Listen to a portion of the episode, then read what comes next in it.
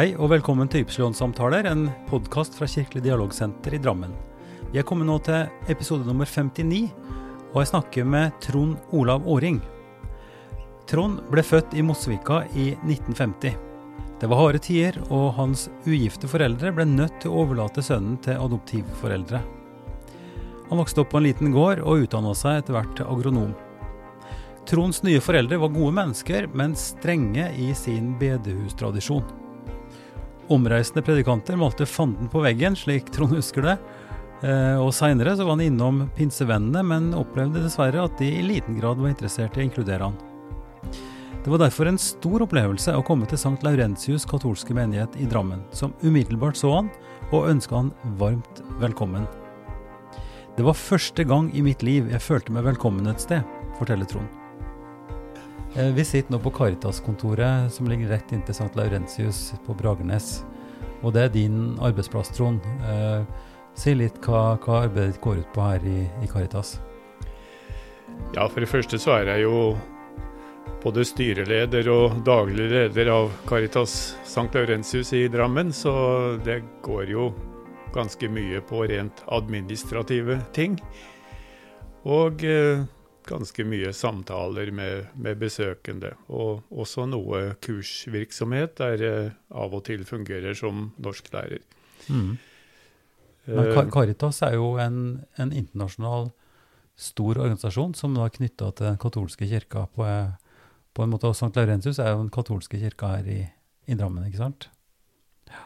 ja, det er det. og ja, Caritas det er jo en verdensomspennende organisasjon. Det er jo Den katolske kirkes hjelpeorganisasjon. Og eh, i motsetning til Kirkens Nødhjelp og Kirkens Bymisjon, som er to forskjellige, så vidt jeg har forstått, så mm. driver Caritas både internasjonalt og nasjonalt arbeid knytta til én organisasjon. Mm. Og eh, vi har jo da et hovedkontor i Oslo, Caritas Norge, som mm. også driver med lokalkontor for Oslo-området. Eh, I Drammen og ellers de lokale Caritas-foreningene de er selvstendige foreninger som står ansvarlig for sin egen drift. Men samtidig så innhenter vi jo råd og har jo jevnlig samtaler med både generalsekretær og staben i, i Caritas Norge. Mm. Hovedkontoret for Europa det ligger i Sveits. Mm -hmm. uh, og ellers så er vi jo da, som alt katolsk, også underlagt Vatikanet, naturligvis. Mm. Ja. Og uh, Caritas er jo egentlig ikke så veldig godt kjent i Norge, har vært det iallfall. De møter jo ofte spørsmål om uh, hva er Caritas. Mm. Og, eh, men det har jo blitt mer kjent de siste åra, og eh, det var jo litt artig, om jeg skal bruke det uttrykket. Vi, vi fikk et besøk her en dag der eh, det kom ei fra et offentlig kontor og liksom begynte å spørre litt om hva Caritas var, og ville ha litt mer informasjon. Og så satt det ei dame her, og også en annen saksbehandler, som hørte dette der. Mm. og så kom hun inn og så sier at hvis du hadde opplevd krig, så vet du hva Caritas er. Ja, ja. Og Caritas har jo den fordelen at uh, i katastrofeområder så er vi ofte til stede før, eller med det samme, da, katastrofen skjer.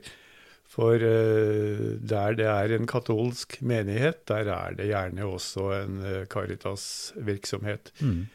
Eh, Kanskje vi skal gripe fatt i det, Trond. fordi Caritas-kontoret her ligger jo da helt rett inntil, altså vegg i vegg med St. Laurentius kirke, som er den katolske kirka her i, her i byen i Drammen. Og, og du har òg en funksjon i menigheten, ikke sant?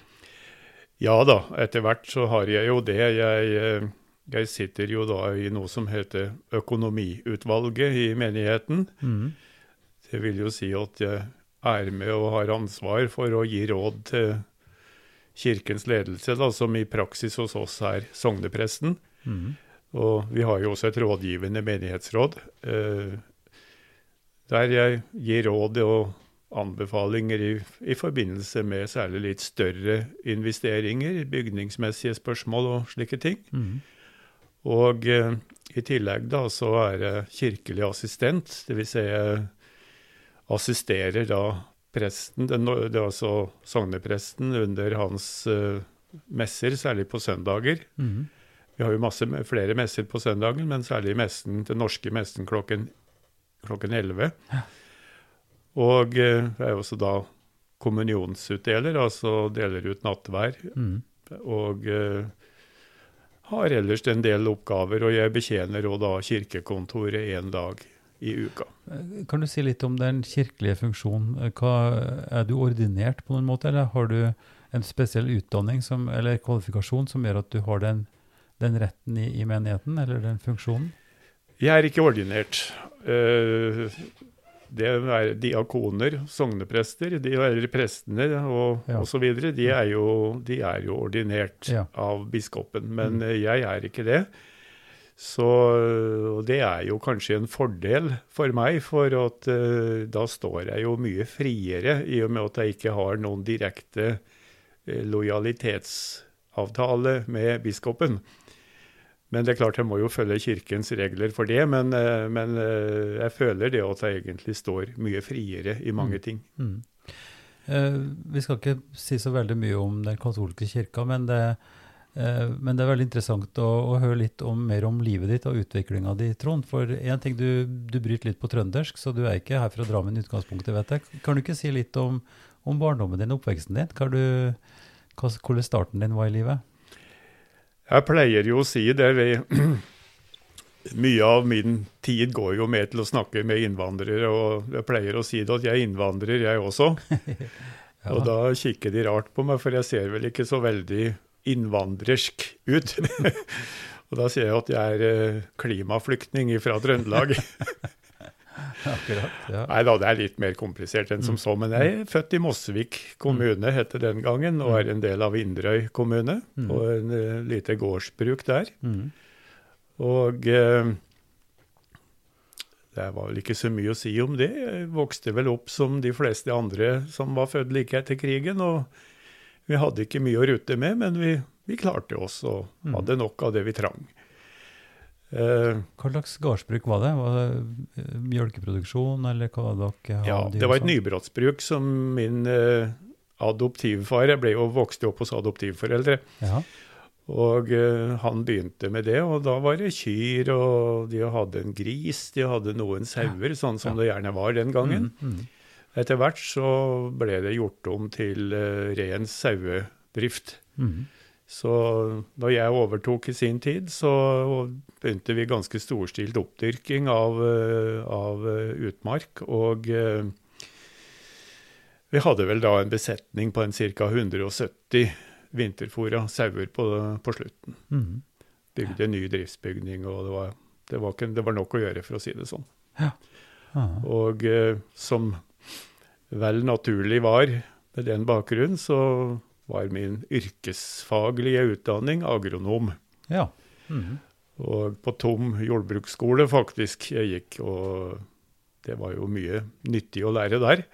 Ja, Tom, det, da snakker vi Østfold, er vi det? Den ligger i Råde i Østfold, ja. ja, ja. Veldig flott sted i, uti der. Og der var vi ca. 100 ungdommer fra hele landet. Mm. Uh, og det var jo ikke til å unngå. Det ble en del konkurranse og småkonflikter, for uh, det er jo nokså stor kulturell forskjell på forskjellige landsdeler, og det var jo så definitivt en konkurranse til stede. Ja.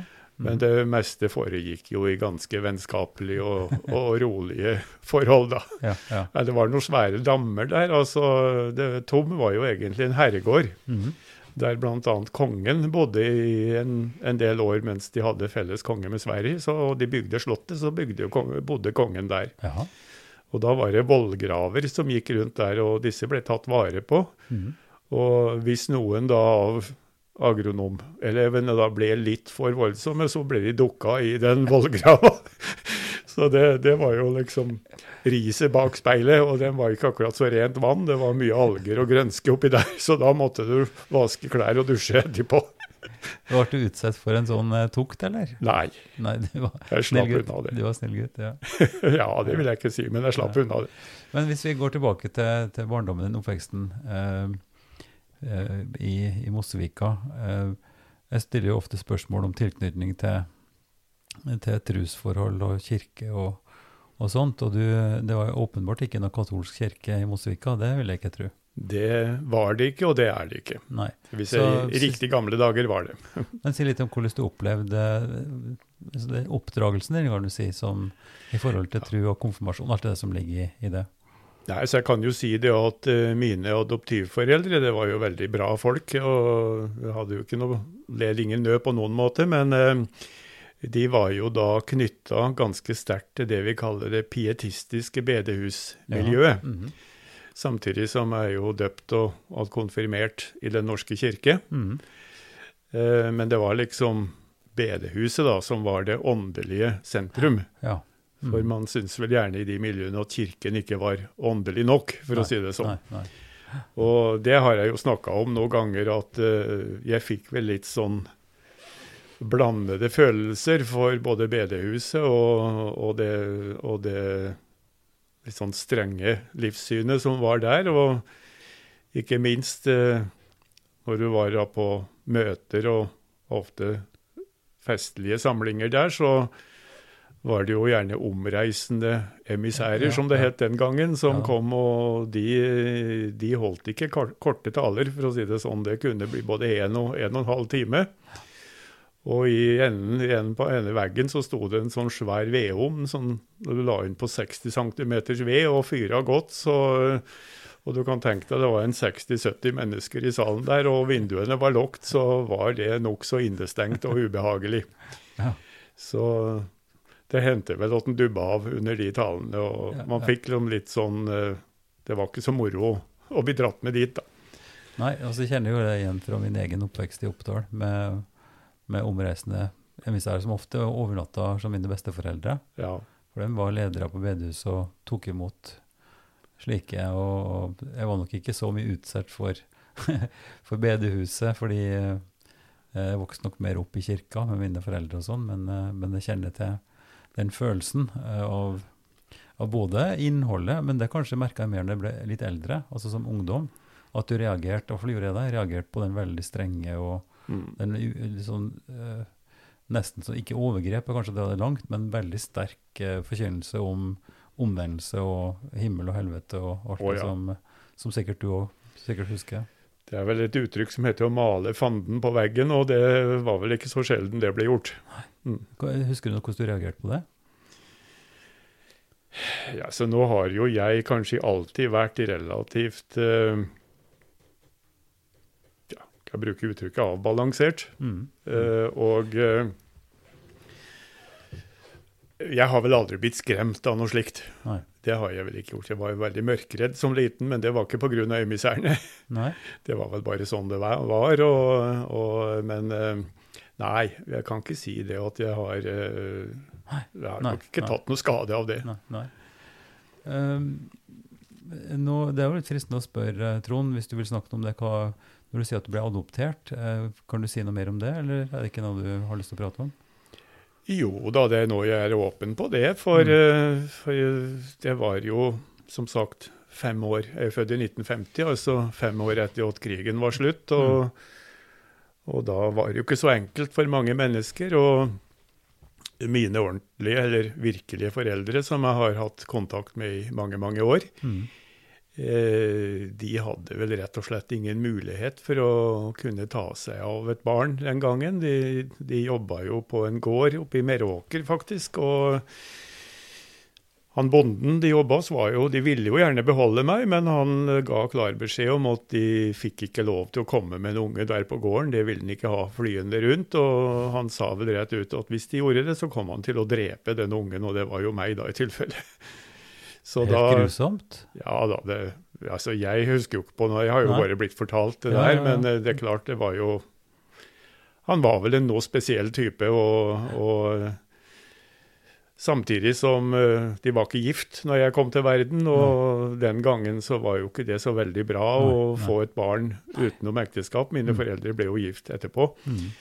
Men eh, da var det vel også Særlig på min mors side så var det jo en del sånn strenge eh, bedehusfolk. Og de ivra jo veldig da for at det skulle adopteres bort, da, for å liksom så skulle glemmes, da, rett og slett. Det, det er jo voldsomme ting vi snakker om her også. Ja, det. jo, Unni Helland har jo snakka med den serien her før og har litt av den samme historien om, om skam, og, og der, Ja. der hun ble sendt bort rett og slett fordi, eh, fordi at det ikke passa seg av en streng ja, streng Nei da, og jeg snakka jo som sagt eh, Jeg var vel litt over 30 når jeg første gang kom i kontakt med mine ordentlige foreldre. Og jeg må jo si at vi har jo aldri vært så veldig nære hverandre, men vi har hatt mange fine samtaler. og de var jo litt selvfølgelig opptatt med og bekymra for at jeg kanskje var bitter og hadde Ja.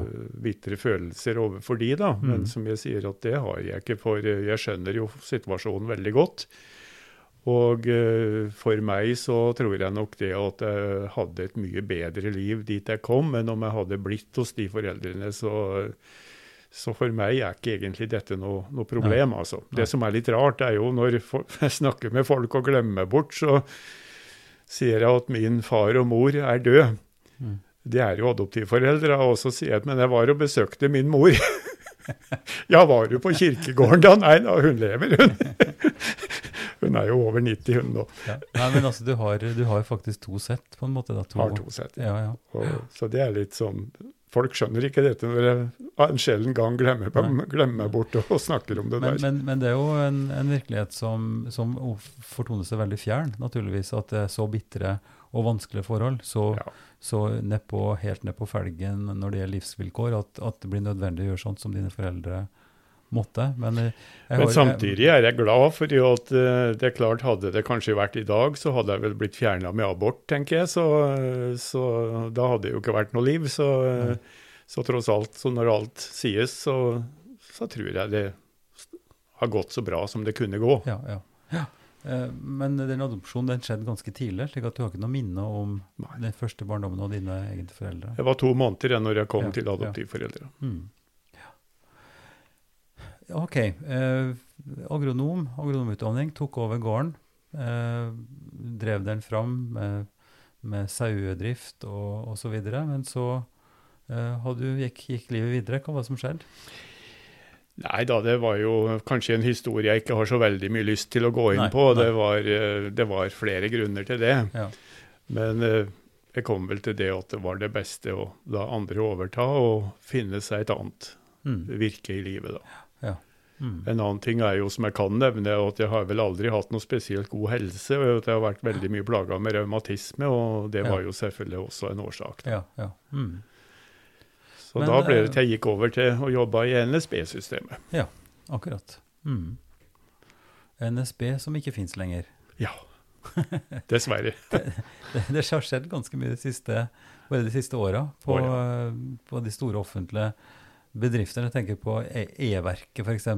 Hele den der, de statlige store selskapene som tok seg av eh, både infrastruktur og, oh, ja. og strøm og sånn, og nå er liksom verden en helt annen blitt. ja da, det skjedde jo veldig. Jeg jobba jo i NSB-systemet, må jeg jo si da, i ca. 30 år, var det vel. Mm. Begynte som stasjonsbetjent aspirant her i Drammen, faktisk. Og de siste ca. 20 årene så jobba jeg på hovedkontoret i Oslo med internasjonal godstransport. Mm. Og da kom vi jo etter hvert over i noe som heter for Cargonet, som er et datterselskap. Mm. Ja. Ok, men uh, altså vi møttes jo, Trond, Uh, i, i vår felles interesse for dialog og samarbeid på tvers mellom, mellom eh, tro- og livssynssamfunn her i Drammen. Eh, for min del som prest fra Fjell, og du da som tilknytta St. Laurentius i, i dialogforumet, der vi har eh, jobba sammen nå gjennom, gjennom flere år. Så kanskje du kan si litt mer om, om din vei da fra Den norske kirke og, og strenge pietist-adoptivforeldre, og hvordan veien din gikk inn i, i For da ble det jo konvertering, altså du måtte, gikk gjennom en konverteringsprosess. eh, opplæring som katekumen, sikkert, for å få lært litt om den katolske tro osv. Fortell om den historien der. Ja da, jeg har jo egentlig Etter at vi først kom ned på Østlandet her, så var vi med i pinsebevegelsen en del år. Ja. Og eh, min kone har jo tilknytning der. Mm. Og eh, jeg må vel si som sant er at vi Jeg fant meg egentlig aldri så veldig godt til rette der. Særlig pga. at det i den menigheten var en del klikksystem, sånn at hver gruppe holdt seg for seg. Så jeg følte vel aldri at du egentlig var med, for å si det sånn. Og kanskje at den ikke var verdt så veldig mye heller. Uh, det, det, det, er jo en, altså Jeg avbryter, beklager det. men men jeg er jo interessert i det der, fordi at det der er jo et problem eller en utfordring som er i veldig mange sammenhenger. Eh, hvor, det hvor, det er, grupperinger som kjenner hverandre godt, som har kanskje vokst opp sammen, og som da har et fellesskap i, i menigheten, om det er pinsevenn eller Norske kirke eller hva det er for noe. Og at det er vanskelig å komme inn som, som nye. Mm. Det er jo den ene varianten, den der sosiologiske, eh, psykologiske saken. Men så er det jo òg den teologiske liksom, Vurderinga av om den er god nok, ja. og om den er innafor nok. Mm. Så det var kanskje en miks av de to tinga? jeg vet ikke. Ja da, det var det. Absolutt. Mm. Og uh, det blir vel litt som i forhold til bedehusmiljøet, og at uh, jeg fant meg vel egentlig aldri helt til rette der. Det var liksom ikke mitt liv, om jeg skal bruke det uttrykket. da. Mm. Og Den katolske kirke har jeg vel alltid vært interessert i, siden iallfall uh, i sin tid gikk på realskolen og begynte å lære litt mer om forskjellige kirkesamfunn og trossamfunn. Mm. Jeg hadde en veldig god religionslærer her, som for øvrig var prest i Den norske kirke, men han var veldig inkluderende, veldig god pedagog. Han, eh, han hadde Han lærte oss å se nyansert på ting. Mm. Og eh, da begynte jeg vel allerede da å lese en del om om den katolske kirke. Ja. Og etter hvert så ble jeg jo ganske opptatt med det annet Vatikankonsil og leste mm. en del om det. og når jeg liksom etter hvert da i Drammen og en litt spesiell familiesituasjon gjorde at jeg, jeg begynte å søke å gå i den St. Laurentius her i Drammen. og mm. Det var jo på en måte en aha-opplevelse for meg, for det var vel første gangen jeg følte meg velkommen et sted. Og det var ingen som anklagde, og vi gjør jo alle våre feil i livet, og det var ingen som anklagde, og tvert imot, de prøvde å bistå, sånn at den fant seg til rette og, og kom ja, på riktig spor. Jeg har jo mm. aldri vært uten noe kriminalitet og slike ting, men Nei. livet kan være vanskelig i perioder for alle ja, sammen. Ja. Og, og, det var liksom et, ja, nesten jeg vil si et paradigmeskifte i mitt liv, da. Utrolig. Altså fordi du ble sett, rett og slett, og tatt imot som den du var? Ja. ja. Mm. Og uh, det er klart det er forskjellige avdelinger, miljøer i den katolske kirke, og vi har jo tross alt over 50 forskjellige nasjonaliteter, så det sier seg jo selv at det, det gir sine utfordringer. Men vi har hatt prester som har vært veldig opptatt med det der, og, og virkelig jobba for å inkludere. og jeg ble jo tatt opp som fullverdig medlem i Den katolske kirke på påskenatt, var det vel i 2004, mm. sammen med fire-fem andre. Mm. Og eh, det gikk jo ganske fort da, at jeg etter hvert fikk noen oppgaver i nettopp det med inkludering, og jobbe litt med de forskjellige gruppene i menigheten for å få de sammen. og ikke noe arbeid jeg har gjort alene, men jeg syns det var veldig interessant og viktig arbeid mm. å kunne bistå med det. Mm. Men du, vi, har jo et slags eh, skal vi si, et pedagogisk sikte med denne podkasten. Så når du sier sånn eh, rett ut av lufta det andre Vatikankonsil, så er det Jeg kjenner jo en del til det, men jeg tror det er ganske mange som er nysgjerrig på hva er greia med det andre Vatikankonsilet? Dette var på 60-tallet, ikke sant? Ja, på slutten av 60-tallet. Ja, Der det kom eh, en slags en, en ny Eh, ikke en ny lære, men også en presisering som åpna opp kanskje mer enn en den Kan ikke du si med noen få setninger hva du opplever som det viktige med det andre Vatikankonsil? Vi kan vel si det at det på en måte da, var en slags reformasjon innenfor den katolske kirke som uh, Ja, Tidligere, da, før konsilet, så var vel den katolske kirke iallfall sett på, og jeg tror nok også den framsto i ganske betydelig grad som ganske lukket eh, trossamfunn. Mm. Eh, dette ble det jo en endring på, og, eh, for da ble jo vedtaket at man skulle være langt mer utadvendt, åpne. Mm. Og kanskje det viktigste som skjedde der, det var jo at uh, lekfolket fikk en mye større uh, ansvar i Mm. kirken. For uh, tidligere så var det jo stort sett prester og ordensfolk som, som sto for det meste. Og ja, jeg vil ikke si de var diktatorer, men iallfall de, de var ganske suverene i alt de gjorde. Mm. Eh, Så der skjedde det jo en veldig stor forandring, ikke minst med det også at lekfolk i langt større grad kunne delta i messene, sånn som jeg gjør bl.a. som assistent, Mm. og at man også har rett til å faktisk feire en del kirkelige handlinger. Men òg på forståelsen av Den hellige skrift, av Bibelen.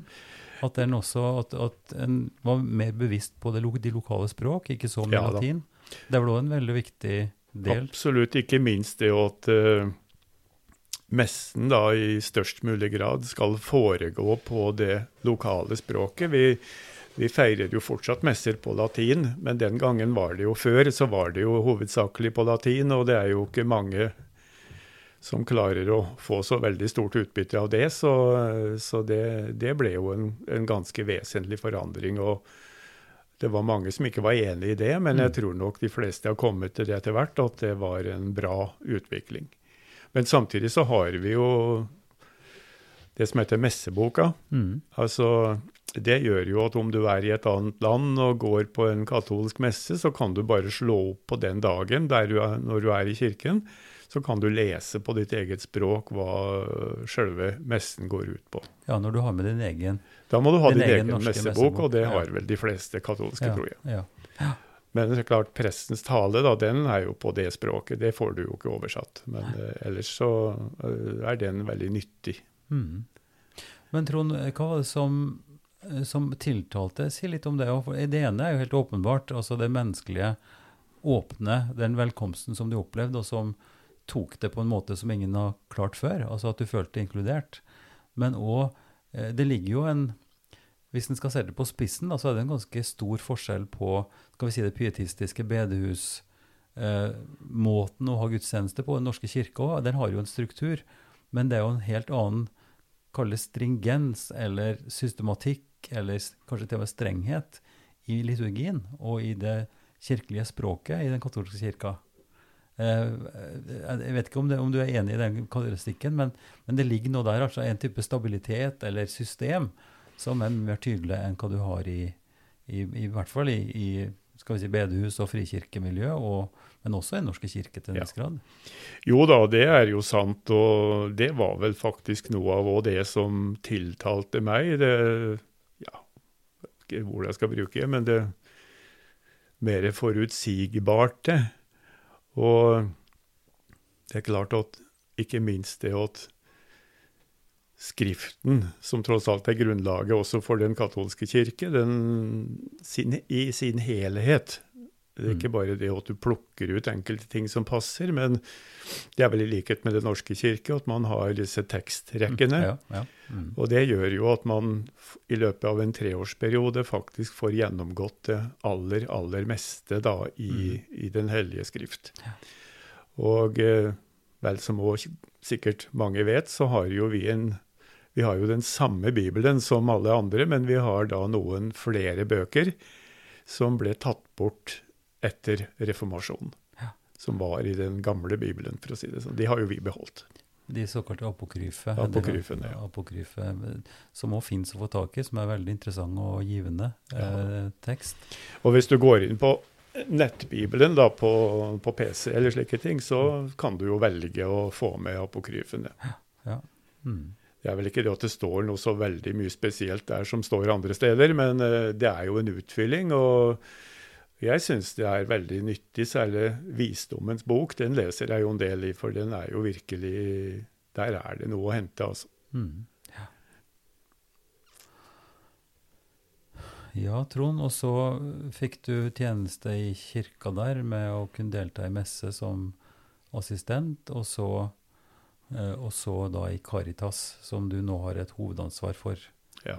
her i, i Drammen. Og gjennom Caritas-arbeidet, så det du sa òg, at, at du til stor grad har fått utvikla og, og, og deltatt i, i dialogarbeid eller i møte med folk som har behov, både når det gjelder sosiale ting, altså en slags diakonal tjeneste, men òg på integreringssida. Mm. Eh, Kan du ikke si litt om det første møtet ditt, eh, eller hvordan det her har utvikla seg i sånn som du opplever det? I Caritas? Ja. Ja, altså Jeg sa jo det tidligere, at eh, Caritas er jo den katolske kirkes hjelpeorganisasjon, men samtidig så er vi veldig fristilt ifra kirken.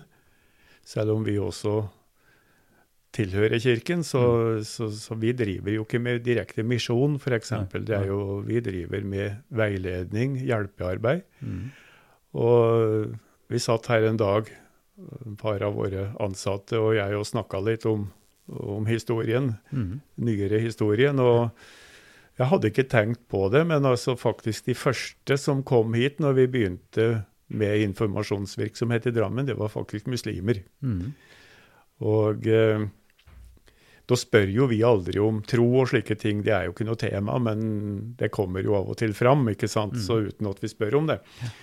Og eh, vi har vel fortsatt en ganske stor andel av våre besøkende som er fra ikke-kristne trossamfunn. Mm. Muslimer er vel kanskje den største gruppen, men vi har òg andre. Så hinduer, vi har eh, buddhister, vi har sikher, ja, veldig mye forskjellig Mm. som kommer innom. Og mange er jo forsiktige og spør om de kan komme hit eh, liksom, og spørre oss. Mm. Og da er vi jo veldig klare på det, og at for oss er ikke tro og bakgrunn og tema, det er, ikke, det er mennesket som betyr noe. Mm.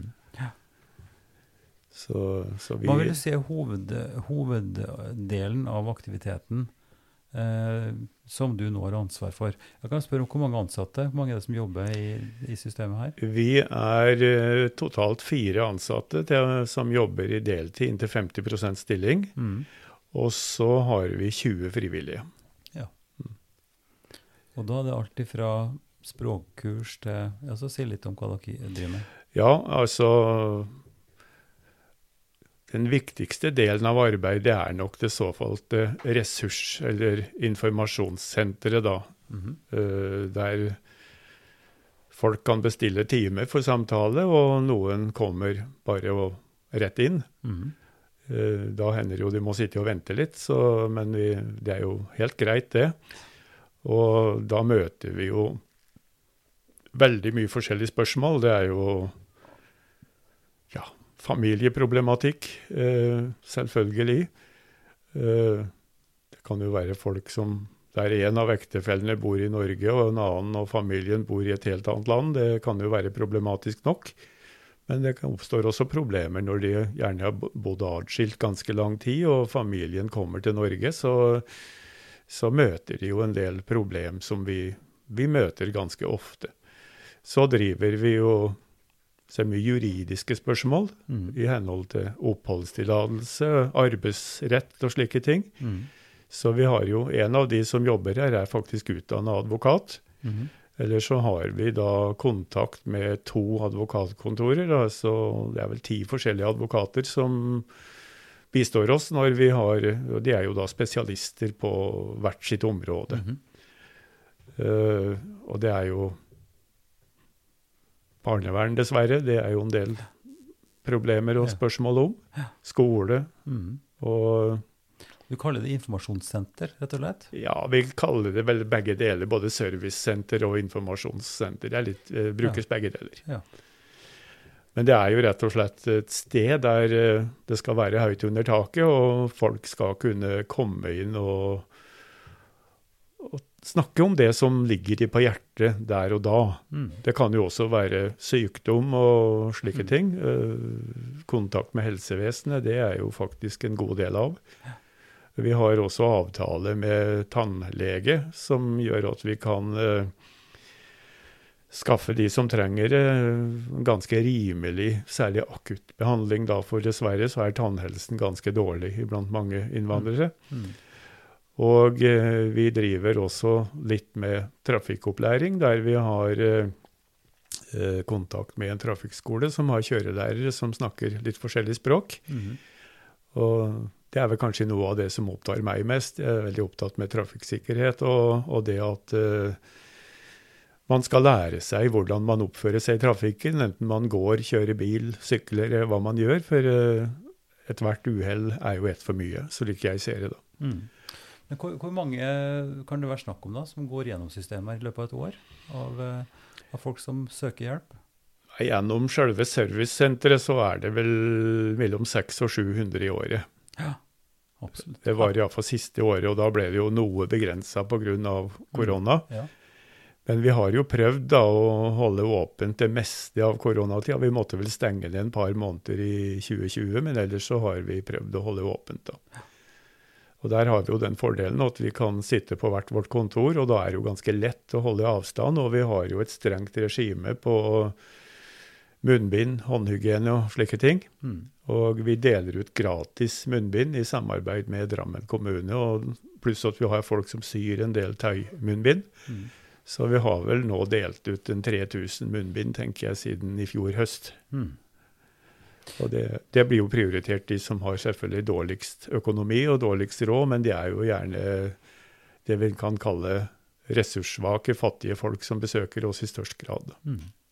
Men det er imponerende, rett og slett. Jeg vet ikke hvor godt kjent det der eh, arbeidet rundt omkring. Så det er, jeg må si det er betydningsfullt at så mange kan få komme eh, og få hjelp. Men det er jo ikke den eneste virksomheten. Det er jo språkkurs, vet jeg, eller sånne Si litt mer om, om det. Ja da, vi gjør det. Vi har, eh, vi har eh, kurs i norsk for fremmedspråklige på nivå A1, A2, B1 og B2. Høyere opp har vi ikke hatt. Og vi bruker da hovedsakelig lærere med ganske god utdanning, bakgrunn, god, lang erfaring. Mm. Så det er vel bl.a. iallfall to som jobber her som frivillige, som er lektorer faktisk i språk. Mm. Uh, Men på enkelte ting så bruker vi ikke-utdanna lærere. Sånn som jeg f.eks. er jo ikke noen lærer, men jeg underviser da en del da i, særlig innen trafikksikkerhet. For jeg var jo også kjørelærer en periode. Ja, ja. Og, eh, og eh, innen kontakten med det norske samfunn, så, så, så, så vi, vi har jo samfunnskunnskap som en del av, Ja. av norskkursene, og, og også da i alle fall to timer der vi snakker om helse og slike ting, og det er ofte jeg som gjør det. Hvor mye av det her er lønna arbeid, og hvor mye er frivillig? av det som du nå snakker om? Nei, som sagt, det er da fire stykker da som går på lønn, Mhm. Uh, og de 20 frivillige, de har jo ikke noe lønn. Det, når du snakker om de lærerne, sånn, så er det frivillige innsats stort sett? Det er én lærer som har litt lønn, og ellers så er de frivillige, ja. Mm. Det, er, det. er jo Noen av de er pensjonister, og noen uh, underviser er, er faktisk i, i tjeneste som lærere fortsatt. Så det er begge deler. Mm. Eh, Kan ikke du si litt, Trond, om hva, hva er det du som gir det drivkraft til å drive med det der? Altså, du er jo en Ja, du er jo ikke en ungsau lenger. Eh, og du, som du har vært åpen på, så har du jo en del helsemessige utfordring, så det er ganske krevende det du står i. Hva er det som gjør at du står på med det? Nei, altså eh, Jeg syns vel egentlig at det er litt artig, trivelig, å drive med dette her. Og som sagt, jeg gikk, gikk jo av som pensjonist da jeg var 65 år. Mhm. Og da så jeg det vel for meg at uh, jeg kunne ikke tenke meg å bare sitte i gyngestolen og se på TV. Det, det kan være koselig den gang imellom, men uh, jeg er ikke den typen. Jeg, jeg føler vel at jeg fortsatt har noe å gi, og da syns jeg man skal gjøre det. Mm. Så, og det, jeg syns det er litt Og jeg har jo også fått, da etter jeg ble pensjonist, vært i Tyskland og studert en del teologi, faktisk. Jaha. Ja. Og det var jo veldig en ny og veldig interessant opplevelse, som òg på en måte har understøtta at det valget jeg har tatt som pensjonist, var riktig for meg. ja. Eh, Hva slags studium var det du gikk i da? Nei, det er sånn eh, Det er noe som heter Bonifasius verk, som har eh, da et et stort kloster utenfor uh, Osnabruk. Uh, mm. Georg Mariens hytte. Det er en liten by som ligger utenfor. Mm. Og uh, da får vi være der noen dager om sommeren, og da kommer det da gjerne teologer da fra bl.a. universitetet i München og mm. underviser. Det er, det er, ikke noe hvilehjem. Det er ganske lange dager og ganske hektisk, særlig i med at det går på tysk også. Mm. Nå har jo jeg den fordelen at jeg jobba mye med Tyskland, så jeg fikk ja. jo lært en del tysk. Ja. Men uh, det går jo gjerne da på dette med helheter, og kanskje det jeg er spesielt interessert i, da, at man, uh, man tar for seg f.eks. Salmenes bok, og så går man da gjerne videre og så fører det inn i nytestamentlige sammenhenger. og, og, og prøver å, å, se de helhetene som jeg føler at veldig mange ja, skal bruke kristne ikke er så veldig flinke til. og Det blir veldig fort at man tar et skriftsted og så tror at sånn er det. Men i min oppfatning så er det langt mer omfattende enn det. Det er ikke det at det behøver å være så komplisert, men eh, med å, å, se linjene så får du en helt annen forståelse av det som står. Mm.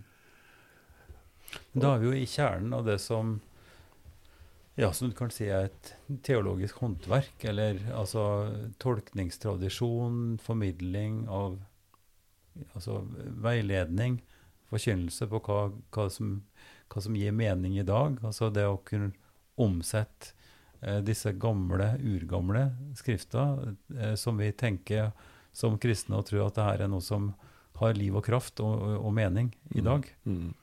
Eh, og du antyda vel litt det som òg jeg syns er, er påtagelig i en del sammenheng, at en plukker ut ett et vers, altså å si at Bibelens ord er sånn, mm. Eh, og kan slå hverandre i hodet ganske kraftig med det, og si at, at det oppstår da spenningsforhold, og en slåss om hva som egentlig er sant. Og så kan en kanskje, sånn som du var litt inne på, komme i den eh, komme i den situasjonen at du peker på andre og sier at du har ikke skjønt det. Altså Du er ikke kristen nok, eller du er ikke god nok fordi at du tror ikke, sier ikke sånn som Guds ord sier og sånn. Eh, hva, kan du si litt mer om det? For det, jeg opplever at det her er i kjernen av det som òg er drivkraften i vårt dialogarbeid. At vi kan ha en, en forståelse av, av, en helhet som også faktisk strekker seg over og forbi det spesifikke. Altså at mm. vi har en, en grunnleggende helhetstanke som sier at vi, vi, har, vi deler noe som er djupt eh, nødvendig og vitalt, og kanskje en, en, en, et grunnlag da, som, som, omfatter hele, altså helheten, i, mm. i vid forstand. Eh, og, og, og det for meg så er det ofte interessant å stille de opp mot hverandre. altså Den sannheten som vi forkynner, den trua som vi forkynner i våre sammenhenger, jeg som prest i Den norske kirke, og, og du som deltar i den katolske, at det er legitimt og riktig. Det er en sannhet som vi med stor frimodighet jobber med og innafor, samtidig som vi anerkjenner andres strev eller, eller, ambisjon om å nå sannhet. Altså at vi kan faktisk på et vis da kan snakke om parallelle sannheter et, på et vis, en viss forstand. Hva Gir det mening, syns du, å tenke sånn? Ja da, jeg vil vel si det. Eh, og uh, jeg har jo også faktisk benytta åra, de senere årene, til å prøve å sette meg litt inn, særlig islam. Eh, da særlig ut ifra gammeltestamentlig kontekst, mm. og ser uh, egentlig de mange store likhetene og ting som faller sammen der. Mm. Mm. Jeg syns det er veldig interessant, og det er jo veldig artig når du møter muslimer og begynner å snakke med de, og de skjønner at det er kanskje vet en del om hva de tror på. Mm. Eh, da får du på en måte en helt annen kontakt. Mm. Og eh, jeg husker jo på Det var jo vet ikke hva det heter nå, men i min ungdom så var det noe som het for muhammedanermisjon. Ja, ja, ja. Og eh, jeg husker jo på det var en misjonær som en gang kom derifra, som var på bedehuset, og han la jo fram at hvor vanskelig det var å få muslimene i tale og få de til å forstå hans forkynnelse. Mm, mm. Og jeg har vel av og til gjort meg det tanken at antagelig tok han så stor feil som det gikk an å ta. Fordi at det er ikke det som er måten du kan møte folk på. Du må møte dem på deres nivå, og ikke minst vite og forstå hva de tror, hva de tenker. Mm. Og, og, da er det mye lettere å finne en plattform å, å kommunisere på. Mm. Så jeg har aldri I unge år hadde jeg jo ikke noe med muslimer å gjøre, men altså, siden særlig jeg kom til Drammen, så jeg har jo veldig mange muslimske naboer der jeg bor. Mm. Og vi har funnet en veldig, veldig god tone der vi ikke minst vi diskuterer ikke det vi er uenige om, men vi snakker om det som er felles, det vi er enige om, og ikke minst det at vi viser gjensidig respekt for hverandre for de forskjellene vi har. Mm.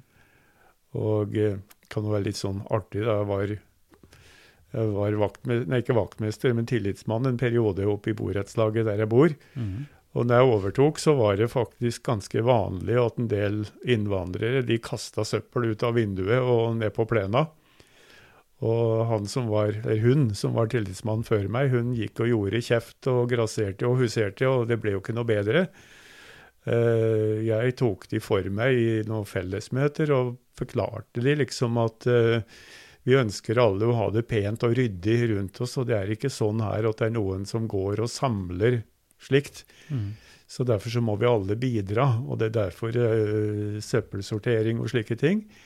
Og problemet løste seg i grunnen i løpet av veldig kort tid. Mm. Siden har det ikke vært noe problem. Mm. Men der er igjen å møte dem og liksom få dem til å forstå.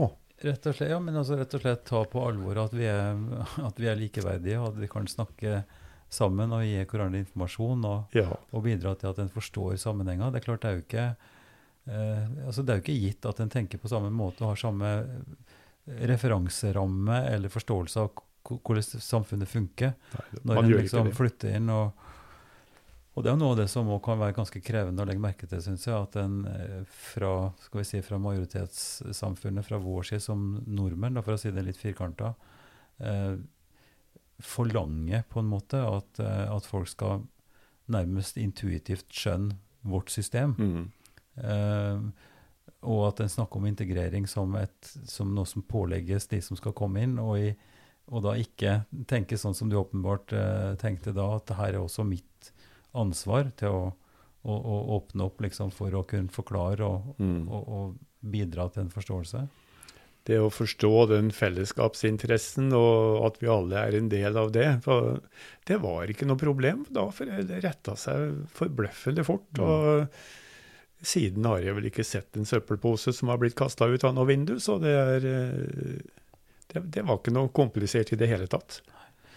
Og det er jo en erfaring som vi har gjort oss, og som må vel forska på, at, eh, at innstillinga til, til, mangfoldet, til aksepten av annerledes tro, eh, og, og, på en måte i, i åpenhet for det, er, er sterkere og mer akseptert i i, hos folk som sjøl har en, en, aktiv tro, altså som sjøl er aktiv i et, et trossamfunn. Dette er så klart ikke enten-eller. Det fins variasjoner og, og, og, sånn, så det er stor forskjell. Men, men hvordan opplever du, Trond, i ditt arbeid her i Caritas, eh, det som vi da med store bokstaver snakker om polarisering eller, eller motsetning? Altså at, at eh, vi støter fra oss folk, eller står i fare for at vi karakteriserer hverandre fra utsida liksom, og peker på de gjør sånn og sånn, og de kan ikke ha sortert søppel, og nå må de skjerpe seg, og nå må de mm. lære seg norsk, og altså hele den eh, Hva er din opplevelse av de som du møter her, som søker hjelp i informasjonssenteret og i, i Caritas i ditt arbeid? Det er klart, av 600 besøkende så er det 600 forskjellige mennesker. Nettopp, ja. eh, der du møter de aller fleste slags mennesketyper, det er klart. Men eh, jeg har vel inntrykk av at de aller fleste som kommer hit, kommer for at de innser og at de gjerne vil ha løsning på et problem. Mm. Og eh, det er jo ikke så sjelden du hører det at de blir beskyldt da, for at de ikke vil integreres, og føler det som vanskelig for dem, som de sier at det er jo ikke noe vi heller vil. Mm. Men de får det ikke til. Mm. Og eh, der prøver jo vi å bistå ganske mye. Og vi har jo f.eks. hatt damer her som har vært innestengt i en leilighet i over 20 år. Uh, faktisk ikke kan et ord norsk. Og som da selvfølgelig får psykiske problem pga. Mm. det. Det, det jo, skulle jo bare mangle. Mm. Og uh, da hender det ja, da er det nettopp det. Og vi har jo en samling her for kvinner hver tirsdags formiddag. Mm. Eh, nettopp for slike, og selvfølgelig for alle. Mm. Og eh, der har vi lagt veldig vind på at de skal lære seg et håndarbeid. Mm. Strikker, syr. Vi har kjøpt inn to symaskiner, og vi har ei som er eh, flink til å sy, så de kan sy klær, og de mm. kan reparere klær. Mm. Eh, så det har faktisk vært veldig populært. Og eh, mange da, de er veldig trofaste til å møte opp. Nå har vi jo måttet begrense mm. deltakerantallet, men det begynner jo å løses opp litt nå, så vi får håpe det kommer til å vare. Mm. Og uh, det virker som det er en av de suksessene, da, om jeg skal bruke det uttrykket, som vi har hatt, og som vi da ønsker å fortsette med på ubestemt tid framover. Mm. Det vi ser behovet er såpass stort. Mm. Og derifra igjen da går det en del da inn i norskkurs, f.eks. Når de ser at ja, jeg kan jo faktisk få til noen ting. Mm. For mange av de, de mangler jo fullstendig tro på seg selv. Mm. Uh, det kan jo ha så mange årsaker, men uh, ikke minst det at de har kanskje alltid blitt uh, fortalt det. og i mange samfunn så er jo jentene veldig lite verdt. Mm. Og det drar de med seg. Mm. Så der legger vi jo ned et ganske betydelig arbeid på at de skal forstå at nettopp du har like stor verdi, og kanskje større verdi enn alle andre. Mm. Og at du ser at du får til noen ting. Og det er jo lett å se når de f.eks klarer å reparere klær, de kan sy, strikke noe nytt, ikke sant, og, og se hvor glad de er når de ser at de får det til. Mm. Ja. Uh, vi begynner jo å nærme oss en slutt her, Trond, men uh, jeg kunne godt tenke meg å, å høre litt om på hvilken måte St. Laurentius menighet som, som, trosfellesskap og som gudstjenestefellesskap, på hvilken måte mangfoldet her uh, ytrer seg. Fordi eh, tanken vår og ideen liksom i, i den norske integreringstanken og i Drammen-samfunnet er at vi skal, alle skal være sammen ikke sant? Og, mm. og, og dele borgerskapet og, og, fellesskapet i samfunnet. Men eh, jeg har snakka med, med, med, folk som har jobba som prester tidligere, og som, som har sukka litt over, over det dilemmaet som består at her har du veldig sterke språksamfunn. altså Det kan være folk fra ja, eh, Polen eller, eller andre land som, der behovet her i St. Laurentius er messe, å kunne gå til gudstjeneste og bli betjent av presten, og der behovet ikke er først og fremst å føke et, felles, et sosialt fellesskap. Slik at tanken om at, at St. Laurentius som en sånn stor familie som har 40-50 ulike språk og sånn, framstår som, som en enhet, det er vel ikke helt sånn det er. Altså, kan ikke du si litt om det? For det, jeg synes det er kjempeinteressant, for det, det illustrerer et poeng, nemlig at, at en søker fellesskapet der en der en trenger det, og, og, og, og, få hjelp til å komme og ja, bli løst betjent, f.eks. Eh, mens det sosiale kanskje fins på arbeidsplassen eller i, i, i gruppa si, eh, sosial, kulturell gruppe eller, eller, eller, sånn. Eh, si litt om det, er du snill. Ja, det er jo klart det at uh, ved en såpass differensiert forsamling som Den katolske kirke er, ikke bare i Drammen, men for så vidt over hele Norge, så, så, er jo det et reelt problem, det. Og eh, det er jo nettopp noe vi prøver å jobbe veldig aktivt med. Og jeg vil nok si det at vi har, eh, iallfall inntil koronanedstenginga kom, så har, vi, så har vi nok kommet et stykke på vei mm. eh, når det gjelder dette med bl.a. Eh, kirkekaffe, mm. som er uh, etter den norske messen hver søndag, og av og til også etter andre språkmesser. Mm. Og uh, der vi prøver å få folk til å sitte sammen, forskjellige grupper. Og det har nok skjedd en positiv utvikling der. Men jeg vil jo ikke si at vi er i mål, men det har skjedd en positiv utvikling. Mm. Og Eh, det kan jo være så mange grunner til det. altså Jeg vil nok være litt ubeskjeden og si det at også Caritas der har spilt en ganske aktiv rolle. For mm. jeg som leder i Caritas er veldig streng med våre folk, både frivillige og ansatte, at uh, på kirkekaffe og for så vidt under messene, og så sitter vi ikke sammen. Vi fordeler oss mest mulig og hvis vi ser det er nye, hvis vi ser det er folk som sitter og er for seg selv, mm. ta kontakt og snakk med de. Mm. Uh, det er jeg veldig opptatt med. For uh, jeg liker ikke den der uh, at man flokker seg sammen. Jeg sier Det har man anledning nok til likevel. Det behøver man ikke å gjøre da. Nei. Ellers så for katolske så er jo selvfølgelig messen veldig sentralt mm. i, det å, i, det å, være katolsk mm.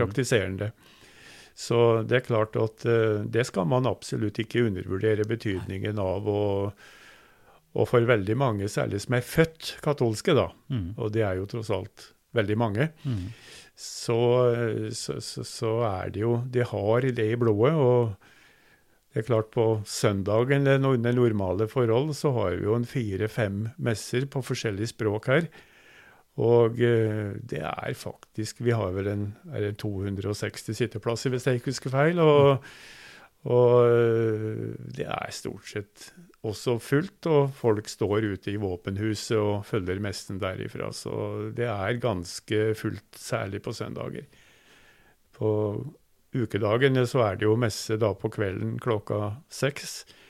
Da er det selvfølgelig ikke så mange som kommer, det sier seg jo nesten selv, men det er en del trofaste som møter opp likevel. Mm. Mm. Så uansett hvilket land og hvilken katolsk menighet man oppsøker, så kommer man ikke utenom det betydningen av messen som det viktigste i kirkelivet. Mm.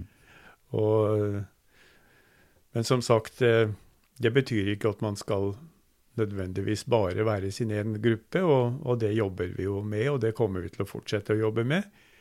Uh, det er klart, Faren er alltid at noen vil bli isolert og utenfor hvis det kommer noen ifra en liten gruppe. Mm. Uh, så nettopp derfor er det viktig at man har folk hele tiden som har oversikt og, ja. og, og tar kontakt der man føler at kanskje dette er en som er litt utenfor. Men der har jo du en sterk personlig erfaring som har gitt på en måte, jeg ville tro, energien til å tenke sånn. Det kan at, det være. At du fikk så til de grader opplevd den mottagelsen da, som, ja. uh, som, uh, som, kom utafra. og jeg tror nok det kjennetegner også de fleste uh, åpne og aktive menigheter, at det er, et, at det er en bevissthet mm. om å legge merke til nye og ta imot. Ja. Og at, at, den sosiale dimensjonen som ligger i det, altså mm. den synligheten, det at du blir anerkjent og sett, at det er òg en, en, svært, svært viktig del av det å, å, bli del av et trosfellesskap. Ja da. Og jeg husker jo da jeg kom her som Jeg kjente jo ingen i den katolske menigheten jeg når jeg begynte å gå her. Og da hadde jeg ikke vært her mange søndager, så ble jeg invitert på en spasertur opp i Bragernesåsen av to eldre menn. Ja. Og vi ble jo godt kjent og hadde det veldig hyggelig, vi. Så, ja. så det, det, var en sånn litt ny opplevelse for meg, da. Ja. Ja. Og de jo, hadde jo vært i menigheten hele sitt liv, så, så, så de var veldig opptatt med det der. Og det syns jeg var en fin opplevelse. Eh, helt til, til avslutningsvis her, så, så, har jeg lyst til å, å, komme tilbake til en erfaring som vi har gjort oss nå i forbindelse med attentater i New Zealand. og også på Sri Lanka uh, for et par år tilbake, med attentat som, som avstedkom at vi stilte opp uh, fra dialogforumet vårt utafor både moskeer her i, i, byen, men òg at vi stilte opp utafor kirka her mm. for å vise sympati og, og støtte i denne Vær trygg i bønn-aksjonen vår. så vil du til slutt si litt om om den gjestfriheten, den åpenheten på tvers da, av menigheter. Den, det som er ambisjonen vår i, i DOTL, i, i Drammen Omvendt Tro Livssynsforum, som består i at vi ser hverandre òg over eh, menighetsgrensa, og har både kan du si, tiltak eller bruker litt energi på det. Altså at vi ikke da bare blir opptatt av vår egen menighet, men, men folk utafor. Eh, hva tenker du om det, Trond? Altså, nå er jo vi i St. Laurentius på en måte heldig stilt der pga. vår beliggenhet. Vi har jo For det første Den norske kirke, Bragernes kirke, som nærmeste nabo, faktisk. Og vi har da det tyrkiske muslimske kultursenter like nede i gata her. Mm. Og jeg føler vel det at vi har veldig god kontakt i, i forhold til begge de. Eh, Frelsesarmeen har vi ganske god kontakt med, og selvfølgelig Kirkens Bymisjon. Men altså, vi har også kontakt med andre trossamfunn som, som ligger lengre unna. Mm.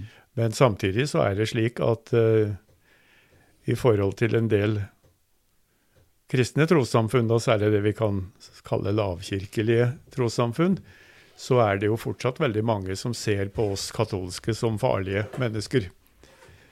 Mm. Og, og det er jo ikke så sjelden man hører at vi er på, vi er på ville veier og osv., uten jeg skal gå noe mer inn på det. Mm. Men, eh, men eh, eh, vi har jo vært og drukket kaffe og hatt selskap i, i moskeen i gata her. Og, og, som sagt, vi har jo felles øh, prosesjon på palmesøndag med Bragernes kirke. Vi har jo deltatt i korsvandringer som starter i Strømsø kirke. Mm. Så, så, jeg føler vel det at vi har uh, rimelig bra kontakt utad. Men uh, som igjen sagt, dette er jo ting som hele tiden kan utvides og gjøres bedre. Og vi møter ikke så sjelden folk som ikke er katolske, som kommer og spør kan vi komme og være med på en katolsk messe. Mm. Eller Mm. blir vi hivd ut når vi kommer? Mm. Selvfølgelig, alle er hjertelig velkommen. Trond, det er en fornøyelse. Veldig hyggelig å prate med deg. Du kunne fortsatt her eh, og utforska andre ting òg, men, men timen er over, rett og slett. Så tusen takk for tida di, og lykke til i arbeidet ditt både i Caritas og her i St. Laurentius. Tusen takk.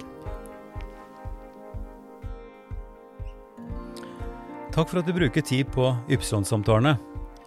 Hvis du liker denne episoden, kanskje du liker også andre som du vil finne mer informasjon om på www.ypsilonsamtaler.no. Der vil du finne en kort presentasjon av alle St. Pauli-partnere så langt, og lenke til episodene. Du må gjerne abonnere på Ypsilon-samtaler i din favorittpodkast-app. Og så er vi veldig glad for tilbakemelding og forslag som du kan sende til Ivar, krøllalfa, kirkeligdialogsenter.no. Podkasten er støtta av Drammen kommune, Barne- og familiedepartementet og Einar Juels legat. Ansvarlig utgiver er Kirkelig dialogsenter Drammen ved daglig leder Ivar Flaten.